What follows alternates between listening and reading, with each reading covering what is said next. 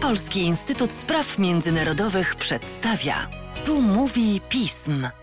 Tu mówi pism, a ja nazywam się Sara Nowacka i jestem analityczką Polskiego Instytutu Spraw Międzynarodowych do spraw państw arabskich. Zapraszam Państwa do najnowszego odcinka Depeszy, w której podsumowujemy najważniejsze wydarzenia mijającego tygodnia. A w dzisiejszym podcaście porozmawiamy o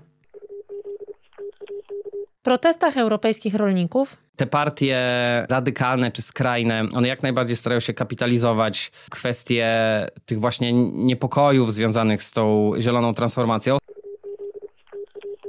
Poparciu tureckiego parlamentu dla wstąpienia Szwecji do NATO. Turcja od początku podkreślała to, że NATO jest wspólną organizacją bezpieczeństwa i zażądała od Szwecji i Finlandii skutecznych działań przeciwko organizacjom stwarzającym zagrożenie dla bezpieczeństwa Turcji i największych ćwiczeniach Sojuszu Północnoatlantyckiego od czasów zimnej wojny.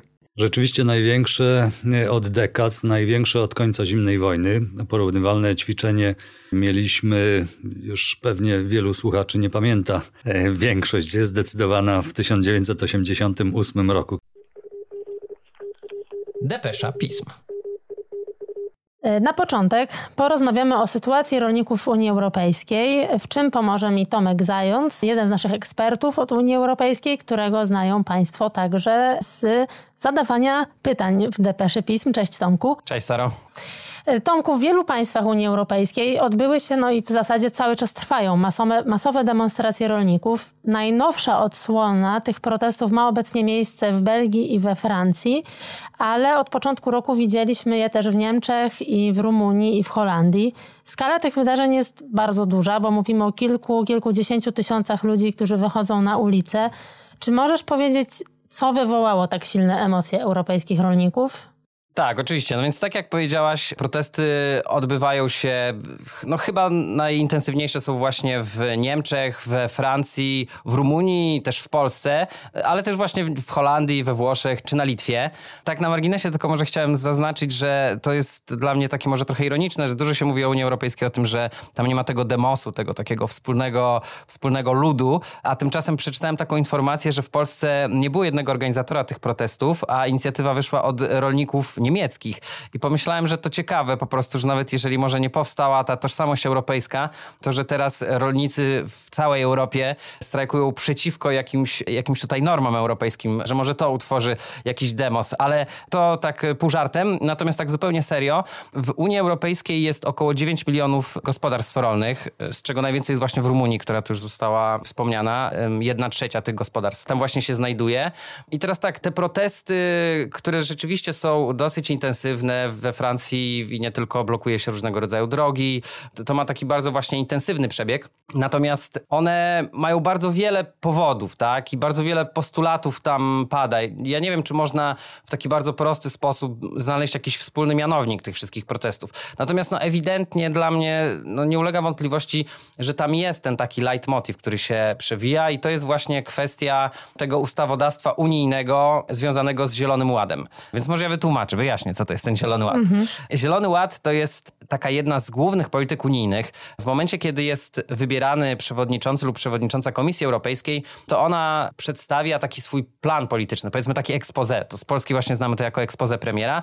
Ona przedstawia takie expose i takie też expose przedstawiła Ursula von der Leyen w 2019 roku i to jej expose się składało z takich sześciu filarów. No i właśnie jednym z tych filarów była ta zielona transformacja, czyli szereg jakichś różnych pomysłów, prawnych na to, jak doprowadzić do tego, żeby Unia Europejska do 2050 roku była gospodarką bezemisyjną. Czyli żeby, żeby gospodarka Unii Europejskiej nie generowała tych gazów cieplarnianych, przede wszystkim CO2. Czy to jest w ogóle możliwe? Nie bardzo, bo na przykład, nie wiem, no mamy takie technologie, jakby nie mamy procesów technologicznych, które by mogły zastąpić generowanie CO2, takie są na przykład przy produkcji cementu. No, nie, nie można cementu jakby stworzyć bez tego procesu chemicznego, który sprawia, że CO2 się wytwarza do atmosfery, no ale tam nieważne, będziemy sadzili drzewa, one będą wyłapywały to CO2, więc tam offsetujemy mhm. to. No ale tak czy siak chodzi o to, że do 2050 roku mm, pomysł jest taki, żeby, żeby ta Unia była tą bezemisyjną gospodarką, bo czeka inaczej nas, nas katastrofa klimatyczna, no to jest kwestia egzystencjalna, prawda, dla nas wszystkich, więc trzeba w związku z tym przedsięwziąć jakieś kroki po prostu. No i teraz w ramach tego Zielonego Ładu jednym z elementów właśnie tych pomysłów prawnych, tych aktów prawnych, które zostały zaproponowane, jest właśnie taki program, który został nazwany po angielsku Farm to Fork, a po polsku to się tłumaczy jako od pola do stołu, czyli jakby seria, to jest 29 różnych tekstów prawnych, nowych albo zmian tych wcześniej istniejących aktów prawnych, które mają na celu pewną reformę tego rolnictwa. I nie chodzi tutaj już tylko i wyłącznie o te kwestie klimatyczne, ale też o takie kwestie jak tam bioróżnorodność, kwestia właśnie zdrowia konsumentów i tak dalej. No i właśnie tego rodzaju normy, które Komisja Europejska wprowadziła już od, 2009, od 2019 roku i wprowadza nadal, one nakładają różnego rodzaju obowiązki po prostu na rolników, tak? Sprawozdawcze, niesprawozdawcze, wpływają na ceny ich produktów i tak dalej. No i to jest taka kwestia, która rzeczywiście no, wpływa bezpośrednio na życie rolników i jest przez nich odczuwalna. No i to właśnie to jest tą kwestią, która pojawia się na tych protestach, że oni mówią, że to, co ten Zielony Ład od nich nich wymaga, że to jest za dużo, że to ich jakby doprowadza, czyni tę ich działalność po prostu dużo cięższą, tak? Tak, no mam wrażenie, że tutaj jednym z takich głównych haseł przewodnich na tych protestach było dajcie nam pracować w spokoju, tak? Że właśnie po prostu ta biurokracja staje się jakimś elementem pracy, której chyba rolnicy nie do końca, nie do końca może ją rozumieją, nie do końca chcą ją wykonywać, bo nie czują, żeby to było coś, co naturalnie jest częścią ich obowiązków. Innym takim zarzutem, mam wrażenie, jest też to, że to, czego Unia wymaga od rolników, jest sprzeczne ze sobą. To znaczy, że z jednej strony wymagają od nich zmniejszenia emisyjności, ale z drugiej też zwiększenia tej produkcji i jakiegoś takiego większego bezpieczeństwa żywieniowego w Europie. No tak, to znaczy, to na pewno jest jakaś tam kwestia, powiedzmy w, w cudzysłowie, biurokratycznych norm, tak? Ale to też właśnie chodzi o to, że jakby tych wymogów, tak? I tego, czego się od nich żąda po prostu. Natomiast, no nie wiem, też może, żeby postawić tę kwestię w jakimś, żeby ją pokazać w jakimś kontekście. Są takie badania Eurobarometru, to jest największe cykliczne badanie sondażowe przeprowadzane w Unii Europejskiej, zazwyczaj na 27 tysiącach tysiącach respondentów i respondentek. No i było właśnie dwa lata temu teraz takie badanie dotyczące właśnie tego, na ile ta zielona transformacja jest oceniana jako coś sprawiedliwego. No i przede wszystkim tak, no 90% ankietowanych powiedziało, że te zmiany klimatyczne to jest ważny problem, z którym należy się zmierzyć, tak? To swoją drogą, nie wiem, jak się patrzy na debatę publiczną, czy w Polsce, czy nawet, nie wiem, w Europie Zachodniej, to z takim pewnym sceptycyzmem podchodzę do tego, czy rzeczywiście to jest 90%. Ale niech będzie nawet, że jest przytłaczająca większość, że jest konsensus też na takim poziomie społecznym, że te zmiany klimatyczne to jest ważny temat, z którym trzeba się zmierzyć, tak?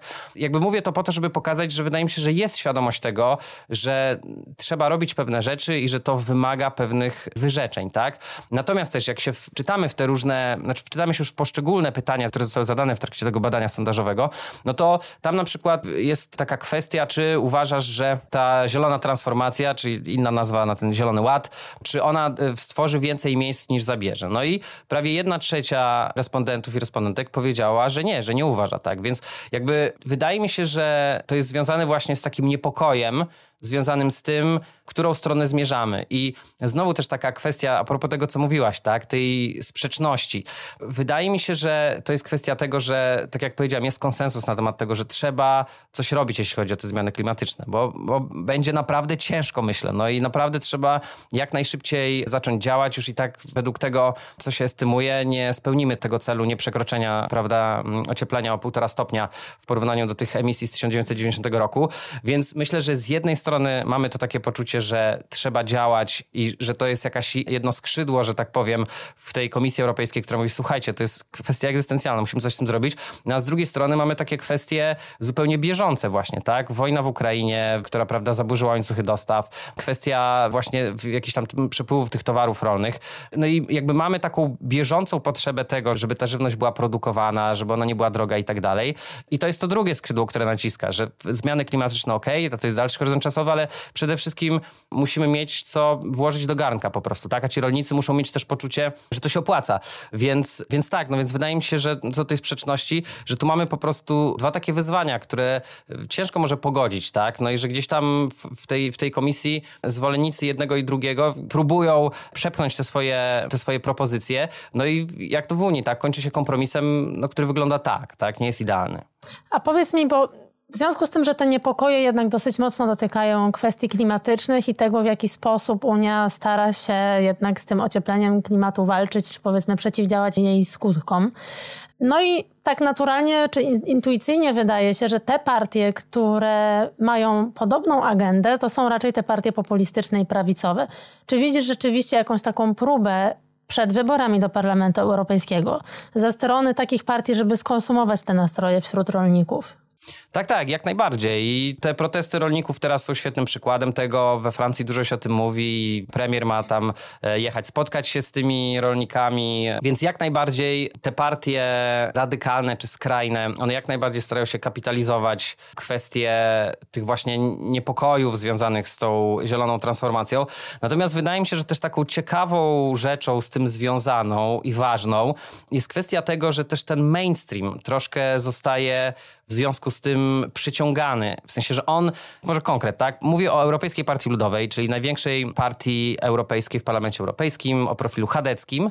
To jest partia centroprawicowa, taka no, no właśnie raczej mainstreamowa, która ma swoje skrzydła. No i ona się stara, widząc to, że ta zielona transformacja wpływa na te społeczne podstawy polityki, na to, na jakie partie ludzie głosują, to stara się do tej kwestii jakoś odnieść. No i to jest, wydaje mi się, przedmiotem pewnej takiej ważnej kontrowersji kontrowersji, dlatego że z jednej strony ten EPL, widząc co się dzieje, stara się odebrać te, tych wyborców i te wyborczynie, które głosują na te skrajne partie, ale stara się to zrobić jakby repozycjonując się trochę bardziej w stronę tych partii radykalnych i skrajnych. No i teraz jakby konkretne przykłady, tak? W zeszłym roku był kongres PL-u i oni tam mówili, jak to będą partią e, rolników, ale też na przykład jak była głosowana w Parlamencie Europejskim projekt rozporządzenia o odbudowie zasobów przyrodniczych, który był takim bardzo ważnym elementem legislacyjnym tego, tego pakietu właśnie zielonej transformacji, no to posłowie EPL-u chcieli ten pakiet odrzucić i e, zgłosili poprawkę, żeby cały projekt tego rozporządzenia po prostu odrzucić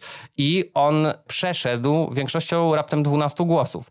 Teraz wyciekły na przykład też programy partii, ponieważ teraz będą takie duże kongresy, zarówno właśnie chadeków europejskich, jak i socjalistów i różne media tam, Euractiv, Politico opisuje te projekty tych manifestów politycznych. No i w tym manifestie właśnie EPL-u znajdują się takie niepokojące rzeczy, jak na przykład to, że oni chcą się wycofać z tego zakazu sprzedaży aut o silnikach spalinowych, mhm. tak, e, od 2030 roku.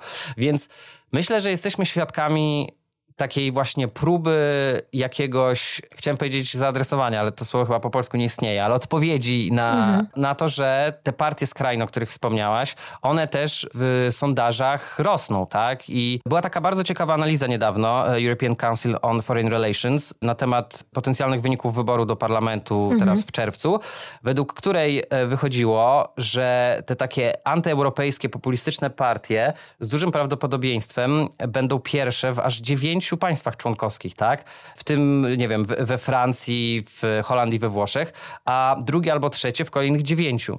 Więc jest ewidentnie jakby wzrost tych takich nastrojów. No i teraz ten mainstream chce na to jakoś odpowiedzieć. Natomiast właśnie to, co chciałbym tutaj podkreślić, to jest to, że no moim zdaniem to jest ważna taka kwestia, co do której trzeba naprawdę przemyśleć jej skutki, dlatego że to jest troszkę granie z ogniem. I mówisz tak też w kontekście francuskim, bardzo dużo się o tym pisze, jak ten mainstream się trochę zlepenizował. To znaczy, próbując przyjąć wyborców skrajnej prawicy, zaczął używać tego języka i go znormalizował po prostu.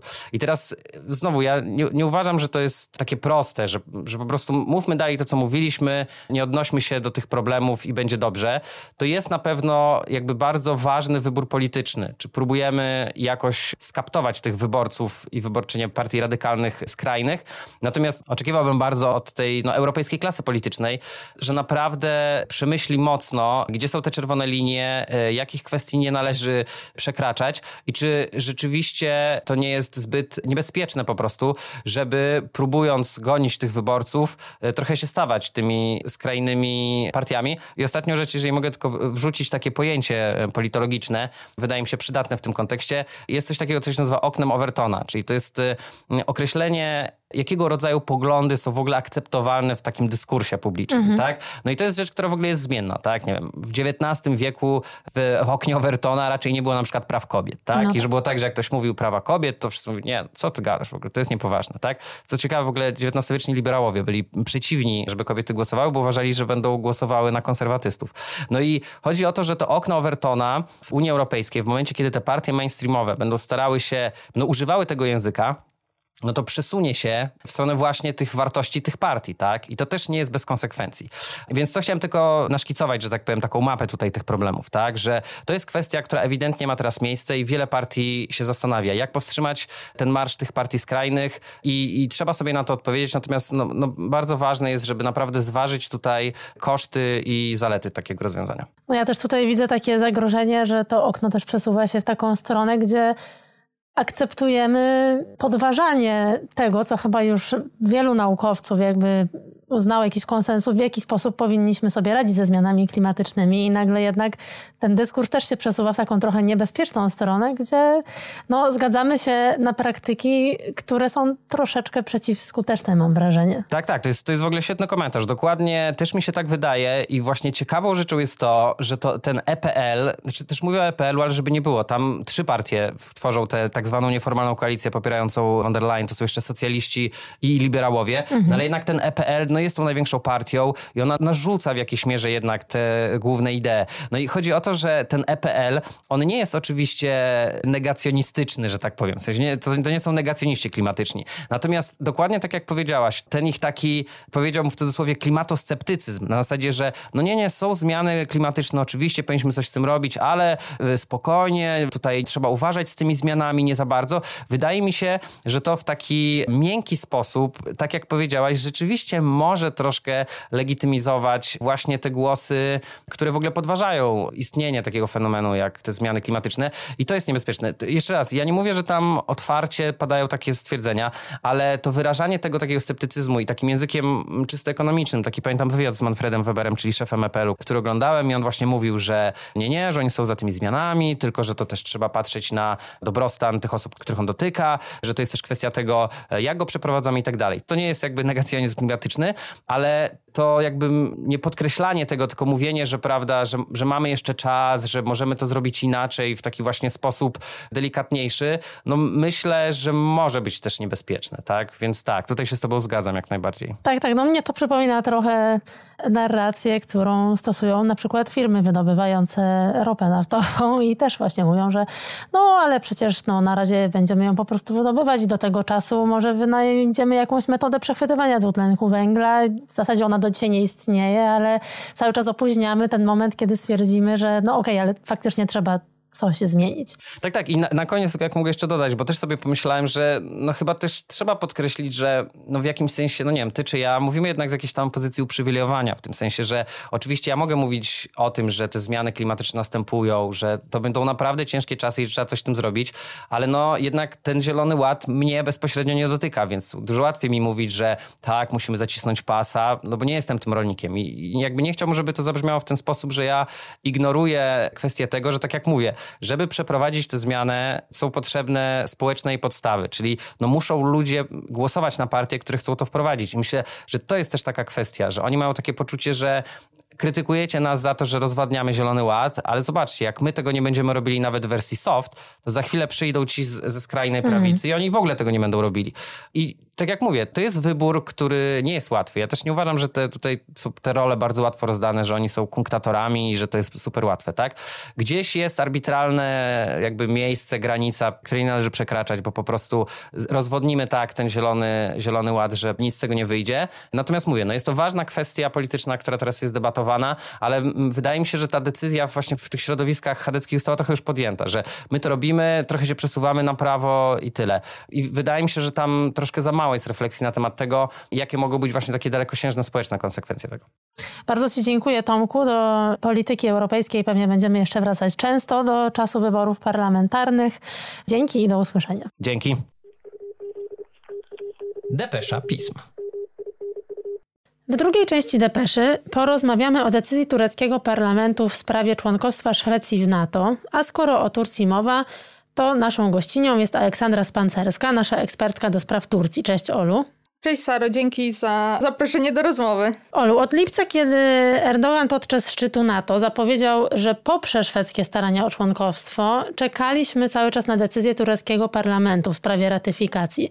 Czy możesz dla uporządkowania przypomnieć, jakie były główne obiekcje Turcji wobec szwedzkiej kandydatury? Tak, rzeczywiście ta cała przygoda była dość zawiła i pełna wyboi. Ostatecznie no tutaj potwierdziła jakby wartość sojuszniczą Turcji w Sojuszu Północnoatlantyckim, ale właśnie nawiązując do twojego pytania związanego z obiekcjami strony tureckiej, no to tutaj Turcja od początku podkreślała to, że NATO jest wspólną organizacją bezpieczeństwa, i zażądała od Szwecji i Finlandii skutecznych działań przeciwko organizacjom stwarzającym zagrożenie dla bezpieczeństwa Turcji, zwłaszcza dla działalności PKK, czyli tej partii pracujących Kurdystanu. No i Finlandia była przykładem państwa, które szybciej spełniła żądania Ankary i została 31 członkiem NATO, jednak ze Szwecją ten problem i ta dyskusja trwała dłużej.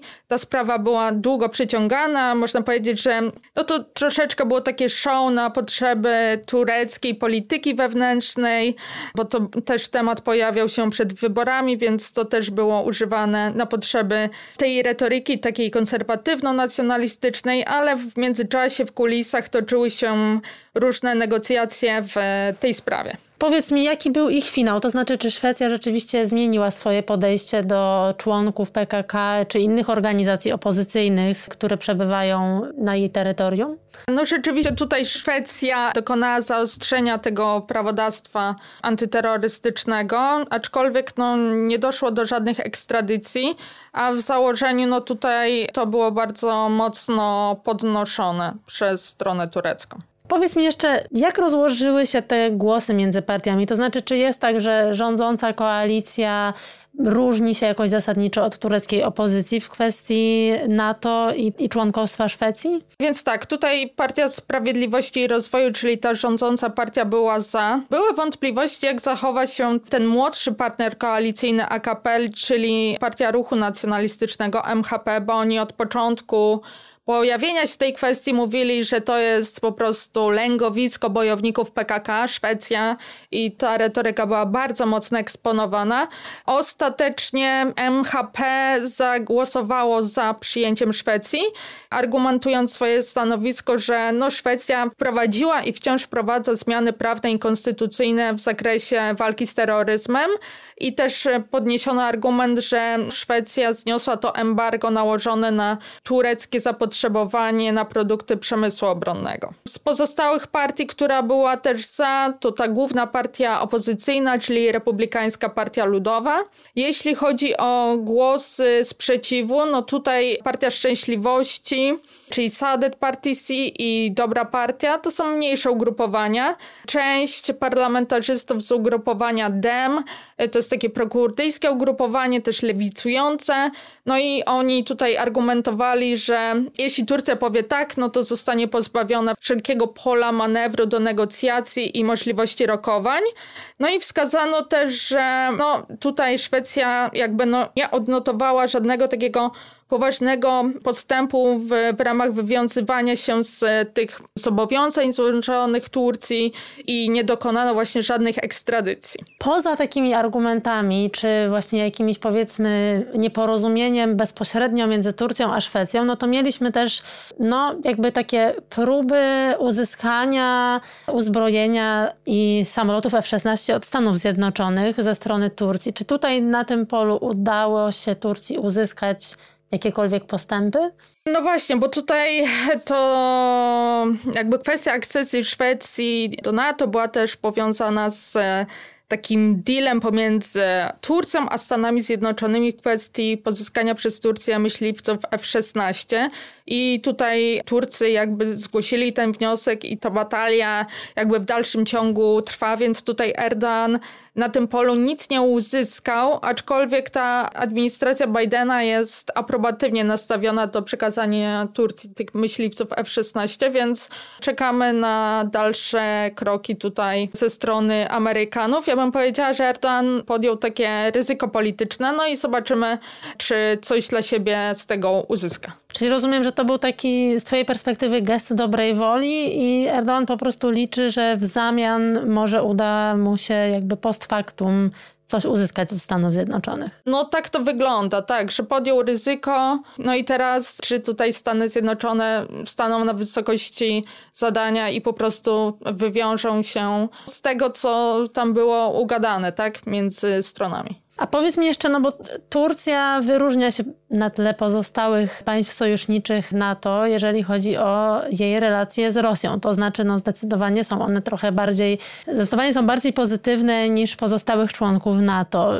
Czy ta zgoda na członkostwo Szwecji wpłynie w jakiś znaczący sposób na relacje pomiędzy tymi dwoma państwami? Tak jak słusznie zauważyłaś, no tutaj Turcja nie nałożyła na Rosję sankcji w związku z rosyjską inwazją na Ukrainę. Też państwa mimo tej inwazji współpracują w dziedzinie gospodarczej, bezpieczeństwa i tutaj z tureckiej perspektywy no ta decyzja, czyli to zielone światło dla Szwecji w NATO nie było taką decyzją podjętą wbrew woli Putina, więc jakby ta współpraca będzie kontynuowana. No i mi się wydaje, że też no Putin nie będzie chciał jakby tutaj nadszarpnąć tych relacji z Turcją, no bo Erdoğan jest jakby jedynym liderem w NATO, który utrzymuje tą dyplomację osobistą z Putinem i też e, zależy mu na kontynuowaniu takiego dialogu na zasadzie dyplomacji liderów, więc myślę, że, że to nie powinno wpłynąć na zaburzenie tych relacji.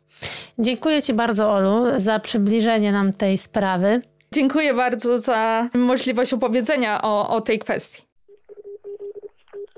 Depesza Pism. Zostajemy przy temacie NATO, tym razem jednak po odsłonie mili militarnej, a nie politycznej. Moim rozmówcą jest więc Wojciech Lorenz, koordynator programu Bezpieczeństwo Międzynarodowe, a także ekspert do spraw NATO i odstraszania w pism. Cześć Wojtku. Dzień dobry, cześć. W tym tygodniu zaczęły się ćwiczenia Steadfast Defender, czyli największe od dekad ćwiczenia NATO. Czy możesz nam proszę zarysować skalę i działania, które NATO podejmie w ramach tych ćwiczeń? Rzeczywiście największe od dekad największe od końca zimnej wojny. Porównywalne ćwiczenie mieliśmy, już pewnie wielu słuchaczy nie pamięta, e, większość jest zdecydowana w 1988 roku, kiedy jeszcze Polska była po drugiej stronie żelaznej kurtyny, ale kurtyna już upadała i wtedy NATO i Stany Zjednoczone przeprowadziły ćwiczenie Reforger, w czasie którego udział brało 125 tysięcy żołnierzy. Natomiast w tym ćwiczeniu udział ma wziąć 90 tysięcy żołnierzy, a największe, z jakim mieliśmy do czynienia już w NATO w ostatnich latach, to było około 50 tysięcy żołnierzy w ćwiczeniu w 2018 roku Trident Juncture. To ćwiczenie jest konsekwencją zupełnie nowego podejścia do obrony i odstraszania. Po zimnej wojnie Sojusz Północnoatlantycki jednak całkowicie się zmienił, zajmował się zupełnie innymi zagrożeniami. Rosję nie traktowano jako potencjalnego zagrożenia militarnego. No ale po aneksji Krymu w 2014 roku i coraz bardziej agresywnej polityce rosyjskiej w Europie Środkowej i Wschodniej, coraz większa grupa państw członkowskich zaczęła wskazywać, że Rosja stanowi zagrożenie, może stanowić zagrożenie militarne dla, dla sojuszu. I w 2020 roku, w 2020 roku przyjęto w NATO zupełnie nową strategię wojskową. Ona była jeszcze wtedy tajna, bo ze względów politycznych część państw nie chciała jasno wskazywać na Rosję jako możliwe zagrożenie militarne. Natomiast na szczycie w Madrycie w połowie 22 roku, a więc już po rosyjskiej inwazji na Ukrainę, no trudno było argumentować nawet państwom, które miały najbardziej dobrą wolę, żeby wskazywać, że to jest to działania rosyjskie to tylko dla celów politycznych. No to zagrożenie stało się jasne. I od tamtej pory mamy już z takim skoordynowanym działaniem i na poziomie militarnym, i na poziomie politycznym gdzie nie tylko ćwiczymy, przystosowujemy potencjał wojskowy sojuszu na wypadek dużego konfliktu, a więc właśnie konfliktu między Rosją a NATO. Wprowadzane są decyzje dotyczące reorganizacji wojsk. O wiele więcej wojsk jest oddanych pod dowództwo głównego dowódcy sojuszu. Wcześniej to były dziesiątki tysięcy, teraz setki tysięcy żołnierzy, zmiany w strukturze dowodzenia, nowe zupełnie plany i ćwiczenia na o wiele większą skalę. I w ramach tych ćwiczeń właśnie będą testowane nowe plany, które zostały przyjęte w zeszłym roku. O wiele bardziej precyzyjne niż to, z czym mieliśmy do czynienia w ciągu ostatnich 30 lat, jasno wskazujące na oddziały wojska, z których państw mają bronić których regionów. Ćwiczenia pokażą zdolność amerykańską do wsparcia Europy, a więc będziemy ćwiczyć przerzut wojsk z USA do Europy, następnie w ramach w Europy na wschodnią flankę, więc bardzo ważne ćwiczenia dla wzmacniania poczucia bezpieczeństwa tych państw, które czują się najbardziej zagrożone oraz bardzo ważne ćwiczenia dla odstraszania Rosji, wysyłanie sygnału, że NATO jest coraz lepiej przygotowane na ewentualną rosyjską agresję. A powiedz mi, jak już wspomniałeś, Polska, kiedy ostatni raz na to przeprowadzało ćwiczenia na podobną skalę, była no, po drugiej stronie, powiedzmy. Więc czy możesz powiedzieć, co będzie się działo w Polsce tym razem podczas ćwiczeń, jaką mamy rolę do odegrania? Polska oczywiście odgrywa kluczową rolę, jest największym państwem wschodniej flanki. Żadne inne państwo nie ma porównywalnego potencjału. Odgrywa także bardzo ważną rolę, jeśli chodzi o możliwość obrony państw bałtyckich, a więc tego takiego najbardziej wrażliwego regionu sojuszu, który najłatwiej jest Rosji zaatakować i najłatwiej byłoby doprowadzić do sytuacji podobnej jak na Ukrainie, gdzie po prostu poprzez agresję i, i ograniczoną zdolność do wypchnięcia Rosji z terytorium, z zajętego już raz terytorium, a mogłoby się to stać podstawą do jakichś dalszych negocjacji.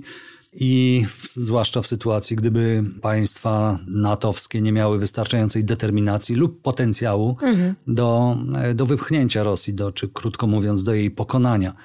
I to wsparcie dla państw bałtyckich, no, siłą rzeczy będzie szło przede wszystkim z polskiego terytorium, przez przesmyk suwalski, mhm. który dzięki temu, że Rosja no, ma ten okręg królewiecki, kaliningradzki, który jest takim bastionem oderwanym od głównego rosyjskiego terytorium, no ale jest to silnie zmilitaryzowany region. Oprócz tego w zasadzie dokonała militarnej aneksji Białorusi, więc wykorzystując swoją obecność wojskową w okręgu kaliningradzkim i na Białorusi mogłaby dosyć łatwo uniemożliwić, zamknąć ten przesmyk suwalski, atakując, wykorzystując artylerię, wykorzystując swoje systemy obrony powietrznej i przeciwrakietowej, blokując dostęp sojusznikom do państw bałtyckich, no mogłaby po prostu doprowadzić do sytuacji, w której sojusz stanąłby przed bardzo dramatycznymi dylematami, jak, jak Rosję, Rosję pokonać.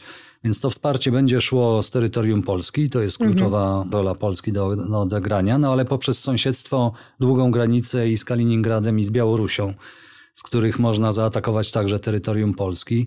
No, my z naszym potencjałem odgrywamy, a to jest bardzo duży potencjał, cztery dywizje, to więcej niż, niż mają Niemcy zachodnie, dysponujące osiem razy większym potencjałem gospodarczym od, mhm. od Polski. Więc ten nasz potencjał Przynajmniej jeśli chodzi o wojska lądowe, no bo w innych rodzajach wojsk to oczywiście wielu sojuszników jest o wiele mocniejsza, zwłaszcza jeśli chodzi o marynarkę, ale także siły powietrzne. Chociaż tutaj też Polska szybko się wzmacnia, więc, więc Polska odgrywa no, szalenie ważną rolę tego państwa, które z jednej strony ma zapewnić potencjał, który jest szybko do wykorzystania, No ale musi też liczyć na wsparcie sojuszników, chociażby ze względu na gwarancje bezpieczeństwa, na, na gwarancje e, związane z odstraszaniem nuklearnym. No bo jak wiadomo, i to też widać na Ukrainie, chociaż ujawniły się tam pewne ograniczenia z tym wykorzystywaniem szantażu nuklearnego hmm. przez, przez Rosję, no to w sytuacji, gdyby Rosja walczyła z państwami członkowskimi NATO, i była perspektywa tego, że one no, mogą liczyć na wsparcie innych sojuszników, ta wiarygodność gruźb nuklearnych byłaby większa, więc to musimy, jako państwo, które nie dysponuje własnym potencjałem nuklearnym, no musimy polegać na wsparciu amerykańskim, na amerykańskich gwarancjach. I tu oczywiście myślimy w kategoriach wykorzystania potencjału całego sojuszu. To jest oczywiście bardzo istotne, żeby wysyłać zwłaszcza do Stanów Zjednoczonych sygnał, że to nie polegamy tylko na, na potencjale amerykańskim, no ale to właśnie amerykańska obecność ma ten najważniejszy wpływ na rosyjskie kalkulacje. I w Polsce mamy, no w zasadzie można powiedzieć stałą albo przynajmniej trwałą obecność amerykańską, co by skróciło czas amerykańskiej reakcji. Umożliwiło też szybkie przerzucenie sił z Niemiec, gdzie też stacjonują amerykańskie wojska do Polski, a więc to wzmocnienie bardzo szybkie tego potencjału odstraszania, nie tylko wykorzystanie naszego własnego potencjału militarnego, ale także infrastruktury, którą od wielu lat rozbudowujemy, żeby te amerykańskie i sojusznicze wojska mogły w Polsce stacjonować. Chociaż tutaj jeszcze też wiele pozostaje do zrobienia, bo to nie jest tylko poligony i koszary, mhm. ale potrzebny jest wysiłek w zasadzie całego państwa, żeby w wiarygodny sposób zademonstrować, że jesteśmy przygotowani na wojnę. No właśnie, i w tym kontekście chciałam Cię jeszcze zapytać, jak rozumiem te ćwiczenia, poza takimi klasycznymi militarnymi zagrożeniami, starają się też tworzyć jakąś odpowiedź na zagrożenia hybrydowe, na zagrożenia w zakresie cyberbezpieczeństwa. Tutaj ta nowa strategia wojskowa sojuszu, ona przewiduje po pierwsze, że NATO będzie zdolne do działania równocześnie w tym samym czasie na wszystkich flankach. Na mhm. północy, na flance wschodniej czy w Europie Środkowo-Wschodniej, ale także na południu. I to jest ten wymiar geograficzny, gdzie wcześniej, tak jak mówiłem, że te siły oddane pod dowództwo sojuszu były o wiele mniejsze i wtedy w zasadzie mieliśmy tylko wiarygodną zdolność do działania w jednym regionie, a Rosja poprzez ćwiczenia demonstrowała, że może zaatakować NATO z wszystkich kierunków jednocześnie. Więc to jest ta pierwsza zmiana i będziemy w ramach tych ćwiczeń pokazywać, że jesteśmy zdolni do działania i na północy, i na wschodniej tutaj flance w regionie Morza Bałtyckiego i w regionie Morza Czarnego. A drugi wymiar takiego nowoczesnego konfliktu to jest zdolność, zdolność do do skoordynowanego działania we wszystkich domenach tak zwanych, mhm. czyli nie tylko to, co, z czym mamy do czynienia i co jest ćwiczone już od 100 lat, czyli wykorzystanie, e, no może mniej niż 100, ale kilkudziesięciu, wykorzystanie w skoordynowany sposób wojsk lądowych, marynarki i, i lotnictwa, ale także działanie w cyberprzestrzeni i kosmosie. I to jest mhm. taka nowa doktryna amerykańska, która też jest właśnie już wdrażana w NATO, doktryna działań wielodomenowych, to ma też szalenie ważne znaczenie do skuteczności działania, dlatego że wiadomo, że nawet to widzieliśmy na Ukrainie, że ta inwazja z wykorzystaniem twardych narzędzi, jakimi są wojska lądowe, siły powietrzne czy marynarka, poprzedziła zmasowana operacja w cyberprzestrzeni, mhm. próba sparaliżowania ośrodków dowodzenia, próba wpłynięcia na percepcję zagrożeń ukraińskiego społeczeństwa, więc to też będzie ćwiczone. I tutaj też jest bardzo dużo do zrobienia, no bo jak zwykle Stany Zjednoczone są liderem we wdrażaniu tej nowej doktryny, natomiast to, żebyśmy byli w stanie efektywnie wykorzystać nasz potencjał w czasie operacji, która musiałaby uwzględniać udział kilkudziesięciu państw, no to każde z tych państw musi też na własnym poziomie być w stanie mhm. prowadzić taką operację. I to będzie, to będzie ćwiczone, ale rozwijanie tej doktryny to potrwa długie, długie lata, będzie wymagało też inwestycji w rozwój nowoczesnych zdolności. Także po to są właśnie te ćwiczenia, żeby to także poprawić. A powiedz mi, czy widzimy już jakąś taką, no w sferze bardziej retorycznej oczywiście, reakcję ze strony Rosji, do której w zasadzie kierujemy tutaj ten sygnał, organizując ćwiczenia. Tak, y, są już pierwsze sygnały. Oczywiście Rosji tego rodzaju ćwiczenia się nie podobają. Wiemy, że dla Rosji NATO nie jest zagrożeniem militarnym, bo jest to sojusz defensywny i reaguje dopiero na, zwłaszcza w tym wymiarze kolektywnej obrony. No, zareagowałby dopiero na rosnące zagrożenie, na wzrost prawdopodobieństwa ataku na swoje terytorium. Tutaj przyjęty będzie też nowy, czy już jest wdrażany nowy system alarmowy, system alertów, który ma ułatwić działanie także w sytuacji, w której jeszcze nie doszło do tej agresji militarnej, ale już widać, że, że trendy są groźne. I Rosja taką główną narracją, którą wykorzystuje w dezinformacji i próbie rozbijania politycznej spójności NATO, to jest odwoływanie się do zimnej wojny. No, większość mhm. społeczeństw państw zachodnich nie chce powrotu do tej sytuacji zimnowojennej, między innymi ze względu na zagrożenie nuklearne, z jakim wtedy mieliśmy do czynienia. Ten strach przed nuklearnym Armagedonem jest w zachodnich społeczeństwach bardzo silny. I Rosja wysyła właśnie taki komunikat, że to, co robi NATO, to jest powrót do zimnej wojny, licząc, że to obudzi negatywne emocje w państwach zachodnich. A to oczywiście także ta rosyjska narracja opiera się w dużym stopniu także na straszeniu, że, że jeżeli dojdzie do bezpośredniej konfrontacji między Rosją a NATO, to, to bardzo szybko wojna się przerodzi w konflikt nuklearny i wtedy mamy zagładę i koniec świata. I to jest próba grania na tych emocjach w państwach zachodnich, na tych antynuklearnych sentymentach, które rzeczywiście są słabością Zachodu. I to, to jest też obszar, w którym można by więcej zrobić, żeby tych gruźb rosyjskich nie zostawiać zupełnie tak bez jakiejkolwiek reakcji. No, przynajmniej na takim poziomie podkreślania, że NATO jest także sojuszem nuklearnym, i że to odstraszanie nuklearne jest wiarygodne, to taką komunikację strategiczną należałoby prowadzić. No ale też trzeba być przygotowanym na trudne decyzje, bardzo trudne politycznie, zwłaszcza w państwach zachodnich, które mogą wymagać w przyszłości wzmocnienia tych mechanizmów odstraszania nuklearnego albo poprzez wprowadzenie nowych rodzajów uzbrojenia, albo poprzez rozmieszczenie ich w nowych państwach. No my z naszej strony staramy się wnosić wkład do takiej debaty. Ostatnio nasz analityk Artur Kacprzyk opublikował bardzo dobry raport o tym, co można w tym obszarze nuklearnego odstraszania jeszcze poprawić, hmm. zmienić. I tak jak kilka lat temu tego rodzaju pomysły wywoływały alergiczną reakcję w państwach niektórych albo w większości państw zachodnich, tak teraz widzimy, że, że są przyjmowane z zainteresowaniem i są podstawą do, do bardzo merytorycznej dyskusji. Tak, no teraz już chyba rozumiemy, że to jest konieczność w zasadzie, a nie tylko element debaty. Wojtku, bardzo Ci dziękuję. Ćwiczenia, jak rozumiem, potrwają aż do maja, więc pewnie ten temat jeszcze będzie powracał w pism, czy to w formie biuletynów, czy w formie podcastów. Dzięki Wojtku jeszcze raz za wyjaśnienie. Dziękuję bardzo. Depesza Pism. To już wszystko na dzisiaj. Jak zawsze zachęcam Państwa do słuchania naszych podcastów, które są dostępne na wszystkich platformach podcastowych oraz na YouTubie. Zachęcam też do śledzenia naszych mediów społecznościowych, dzięki czemu będą Państwo na bieżąco z tym, co dzieje się na świecie. Dziękuję za wysłuchanie tego odcinka. Tu mówił Pism.